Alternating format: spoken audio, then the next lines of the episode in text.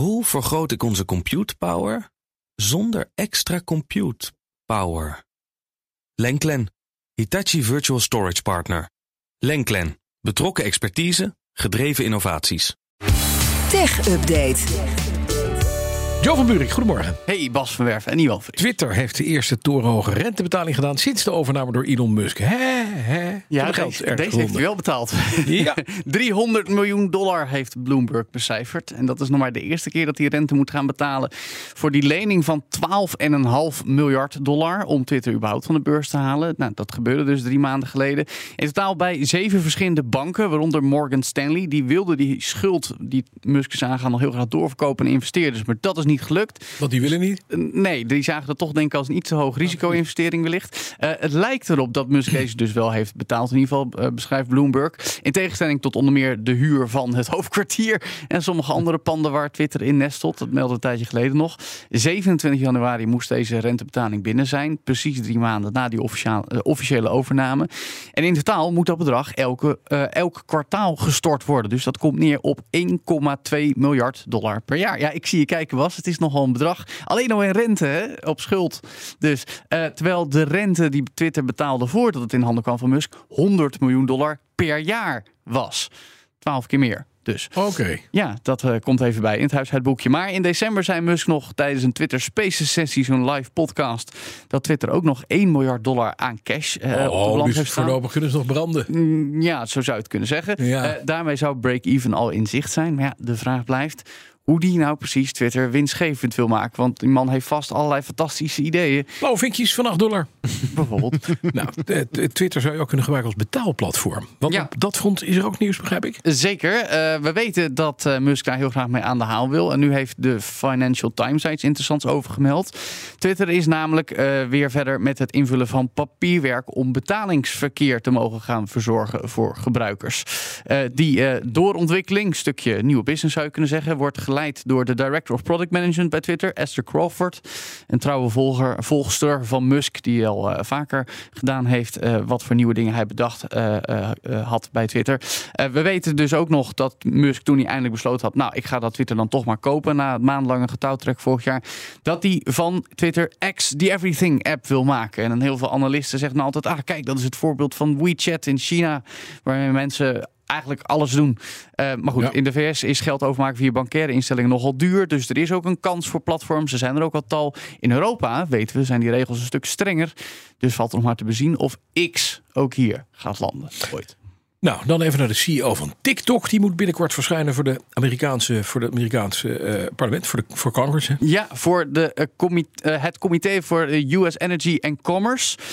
Daar moet Xiao Zichu op 23 maart gaan getuigen. Dat heeft de Republikeinse voorzitter van die, dat comité bekendgemaakt, Kathy McMorris Rogers. En de timing is goed, want volgende maand wordt er weer eens gestemd. Nu in het Huis van Afgevaardigden over verdere beperkingen voor TikTok. De angst voor spionage zit er nog altijd goed in bij de Amerikaanse overheid.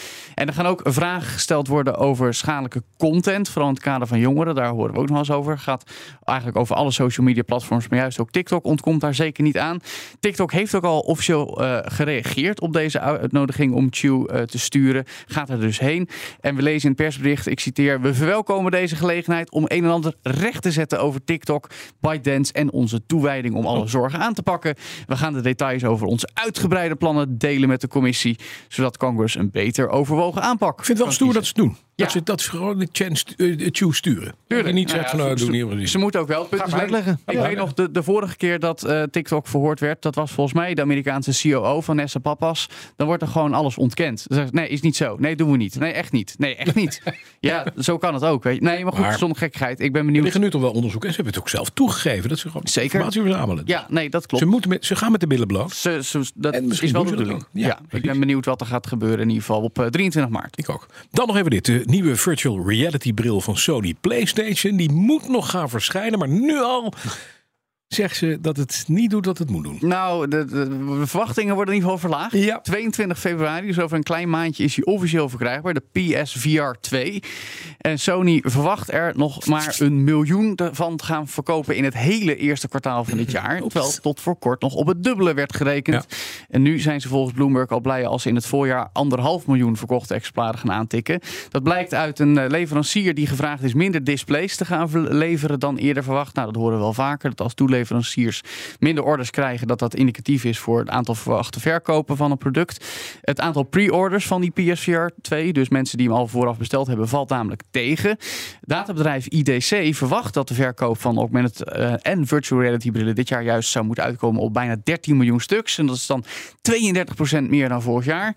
Tot nu toe is vooral eh, Meta daarin veruit marktleider, de Quest brillen. Maar ja, we weten Bas, een tijdje geleden hebben we nog getest. De Meta Quest Pro voor 1400 euro. Een heel dik overengineerd ding, maar je kan eigenlijk niet zoveel mee. En de PlayStation VR 2 kost dan tussen aanhalingstekens maar 600 euro. Ja. Maar dan heb je een spelcomputer van 550 bij Dat dan weer wel. Ja, ja, dus onder, per saldo, nou goed, eh, virtual reality moest het zeven jaar geleden helemaal worden. De jaren daarna is het mondjesmaat doorontwikkeld. Ik ben benieuwd of die PSVR 2 wat nieuws onder de zon is. Dus ik ga hem vanmiddag lekker proberen.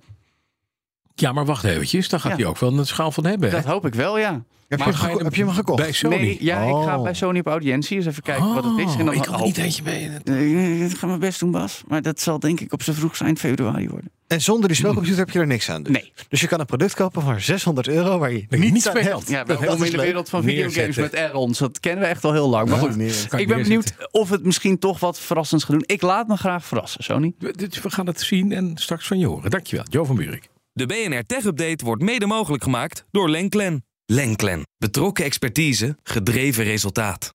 Hoe vergroot ik onze compute power zonder extra compute power? Lenklen. Hitachi Virtual Storage Partner. Lenklen. Betrokken expertise, gedreven innovaties.